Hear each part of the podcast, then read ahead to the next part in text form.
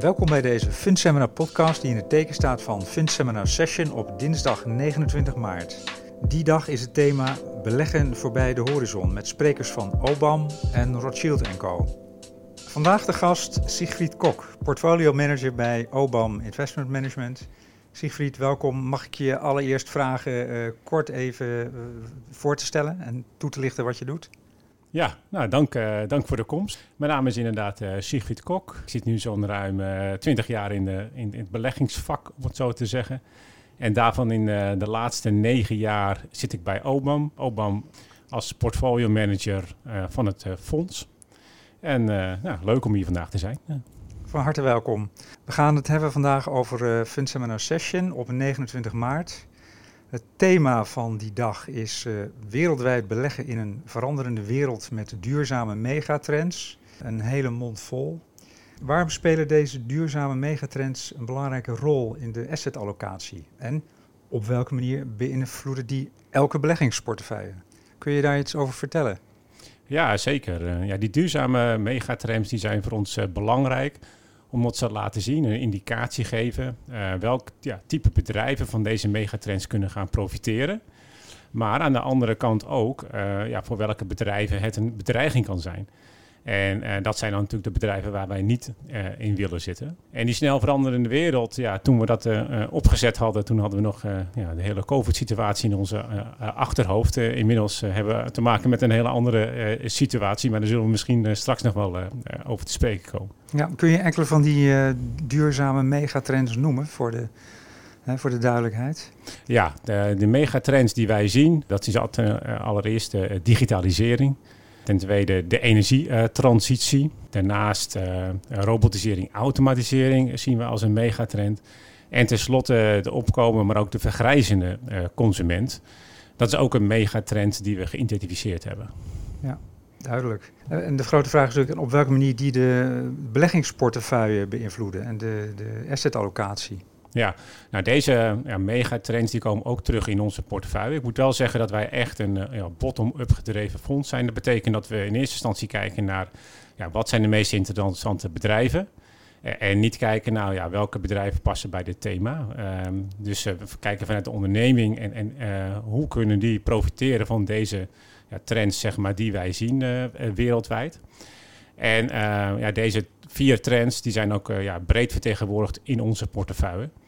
Uh, omdat wij ja, in dit type bedrijven ja, veel kansen zien. En deze bedrijven profiteren aan de ene kant van een ja, versnelde omzetgroei. Ze hebben zeg maar de wind mee door deze megatrends. En op die manier profiteren we van ook ja, de, de, de versnelde winstgroei die door deze bedrijven kunnen laten zien als gevolg van die megatrends. Ja, nou, daar komen we straks nog even over te spreken. Tegenwoordig gaat het ook vaak over inflatie. Is inflatie ook een megatrend? Uh, nee, dus het is eigenlijk niet echt een megatrend, omdat wij een, een, megatrend echt iets zien als een ja, ontwikkeling die gedreven wordt door een technologische of een ecologische of een demografische ontwikkeling ja, die wereldwijd voor een significante verandering kan zorgen. Uh, even losstaand van uh, een economische cyclus. En uh, ja, inflatie heeft veel meer te maken met, met de economie. Op dit moment hebben we natuurlijk een extreem hoge inflatie. In eerste instantie gedreven door de hele COVID-corona-situatie, maar nu ook nog eens een keer door de situatie in, in Oekraïne, waar ik net al even naar refereerde. Maar op een gegeven moment verwacht ik wel, ja, hopelijk ergens volgend jaar, dat die inflatiedruk zal afnemen. Het zal op een iets hoger niveau blijven dan, dan voorheen. Maar het is dan zeg maar een tijdelijk fenomeen. En de duurzame megatrends uh, waar wij hier over spreken, dat zijn echt meerjaartrends uh, die de komende tien jaar zeg maar nog belangrijk zullen zijn. Daarom noemen we ze ook uh, mega. Ja, en hoe verhouden die megatrends zich tot de beleggingsthema's van OBAM? Ja, nou die, die komen terug, zeg maar, wat ik net al aangaf, in, in onze portefeuille. Dus we hebben heel veel bedrijven die profiteren van die digitalisering. We hebben een aantal bedrijven die uh, vooraanstaande spelers uh, zijn in de energietransitie. in termen van vergrijzing hebben we ook belangen in de, in de gezondheidszorg, die, die hier een, een ja, belangrijk element in spelen. En zo zijn die alom vertegenwoordigd in, onze, in onze portefeuille. Dus over elk megatrend kunnen gewoon een aantal aandelen zeg maar, toeschrijven die wij in portefeuille hebben die hierdoor gedreven worden. Kun je daar een paar voorbeelden van noemen? Kiezen jullie steeds de winnaars in een bepaald segment of hoe gaat dat? Ja, dat is wel een beetje onze, onze aanpak inderdaad. We gaan echt voor die dominante spelers in, in een industrie. Met hoge marges, met sterke kaststromen. Uh, dat zijn een beetje de type kwaliteitsaandelen die wij uh, zoeken. Omdat wij ervan overtuigd zijn dat dat type bedrijven over de lange termijn het bovengemiddeld doen, zullen doen op de beurs. en dat type bedrijven die zoeken we dus ook in die verschillende megatrends. Als je dan gaat kijken naar, uh, naar digitalisering, nou, een makkelijk voorbeeld is uh, Microsoft of, of, of, ASML. Dat zijn namen zeg maar, die enorm profiteren van die trend naar digitalisering. Je stipt het al even aan, zo'n geschikt aandeel, hè, volgens Obama geschikt aandeel. Aan welke criteria moet dat voldoen? Ja, die moeten zeg maar aan onze, ja, wat wij noemen kwaliteitscriteria uh, voldoen. Dat zijn er een, een aantal. Het is een dominante marktpositie. Ten tweede uh, moet het bedrijf een, een, pricing power hebben. Het moet hoge entreebarrières hebben, zodat het niet zo makkelijk is voor concurrentie om daartussen te, te kunnen komen. We vinden een hoge margestructuur belangrijk, maar ook sterke kaststromen. Want uh, met die sterke kaststromen kan het bedrijf zeg maar, weer investeren om die hoge uh, dominante marktpositie te behouden. Maar het kan ook bijvoorbeeld dividend uitkeren of uh, aandelen zelfs inkopen. En dat komt een beetje samen in een kwaliteitscirkel die wij noemen.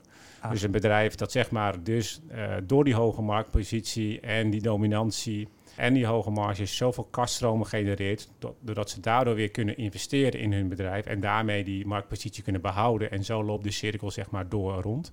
En zo zitten we vaak ook naar aandelen te kijken die we dan door deze cirkel halen. En op die manier uh, kijken of ze voldoen aan de criteria die wij daarvoor stellen. En als je dit gezegd hebt, kun je dan een, een, voorbeeld nemen, zoals ASML, wat je aanstipte? Ja. En op welke manier voldoet die aan alle belangrijke kwaliteitscriteria? Ja, nou ja, als je naar ASML kijkt, die heeft een, uh, ja, een marktaandeel uh, die bijna uh, in sommige gevallen 90% plus is. Zij zijn heel dominant. er is bijna geen andere speler die hun technologie kan, kan nabootsen. Dus, dus daaraan voldoen ze. Nou, ze maken hele hoge marges.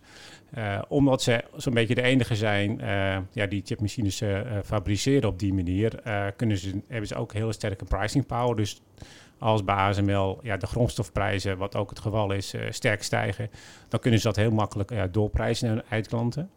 Nou, ze genereren ook ontzettend veel kaststromen, heel veel cashflow, zoals we dat noemen. Ja.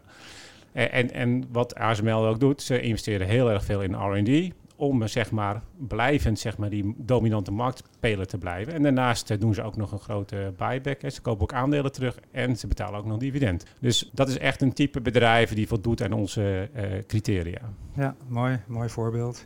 Even terug naar die megatrends. Wat zien we van die megatrends terug in beurs- en koersbewegingen en bijvoorbeeld in waarderingen, zoals in de, de S&P 500? Ja, uh, goede vraag. Met name zeg maar in de hele ja, coronaperiode is de trend naar de digitalisering is enorm versneld. Hè? En daar hebben de beurzen ook heel erg sterk van, uh, van geprofiteerd. Met name de, ja, de technologieaandelen die de S&P en de Nasdaq genoteerd staan die hebben de afgelopen jaren extreem uh, goed gedaan. Dus daar zie je ja, echt een vertaling van zo'n megatrend die versneld nog eens keer wordt door de COVID-situatie. En ik verwacht eigenlijk naar de toekomst toe, wat we hetzelfde gaan, gaan zien met de energietransitie door de huidige ja, uh, crisis of uh, oorlog in, in, in, Oekraïne, zal die energie, energietransitie die, al, uh, ja, die al, al, al gaande natuurlijk is, nog eens een keer versneld gaan worden. Dus door dit event zal deze megatrend denk ik nog eens een keer gaan versnellen. Ja, met alle gevolgen van dien voor, voor aandelen, voor beurzen en voor ja, absoluut. Ja, ja. Alleen het verschil is een beetje met de, de energietransitie is dat uh, de, ja, de, als je kijkt naar digitalisering en de, de hele grote eh, technologiebedrijven die daarvan uh, profiteren, dat zijn enorm grote bedrijven op de beurs. Terwijl als je gaat kijken naar de energietransitie, uh, als je dan gaat kijken naar wat voor type bedrijven profiteren daarvan, dat, dat zijn over het algemeen nog wat kleinere bedrijven. Dus daar heb je ook een minder grote impa impact in eerste instantie, zul je zien op de beurzen. Kun je daar wat voorbeelden van geven, van die kleinere bedrijven?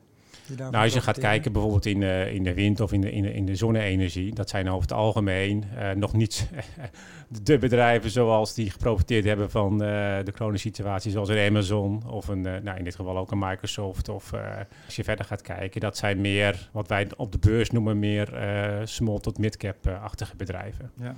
Ja, en niet de grote uh, megacaps. Nee, nee, nee, precies. Nee, die zijn juist uh, nu, uh, worden die steeds kleiner. Nou, op dit moment worden ze juist groter. Dat waren natuurlijk de grote oliebedrijven. Ja, ja, ja.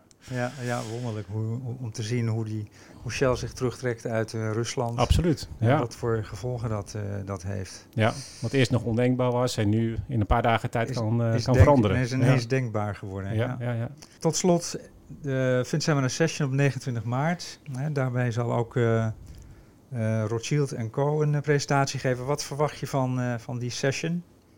Ja, ik kijk er erg naar uit en dus ben ook weer heel erg blij dat we daarmee ook weer nou ja, mensen kunnen zien zeg maar, live en, en kunnen discussiëren. Ik hoop ook, ook dat we een actieve zeg maar, sessie zullen hebben. Dat probeer ik altijd wel te maken om er een interactieve sessie van te maken. Om over deze megatrends en ook over vergrijzing bijvoorbeeld te discussiëren en hoe dat zeg maar, zich zal gaan vertalen op de beurs. Perfect. Dankjewel. Wij, uh, wij hebben er ook zin in. Seminar Session 29 maart. Noteer die datum. En dankjewel voor je komst en graag tot ziens. Ja, bedankt. Hartelijk dank voor het luisteren naar deze Seminar podcast. En graag tot ziens op Seminar Session 29 maart in de Utrechtse Stadsvrijheid. OBAM is een UCITS-fonds. Loop geen onnodig risico. Lees de essentiële beleggersinformatie. Hierin staat dat het risico van dit product groot is. Namelijk 6 op een schaal van 7.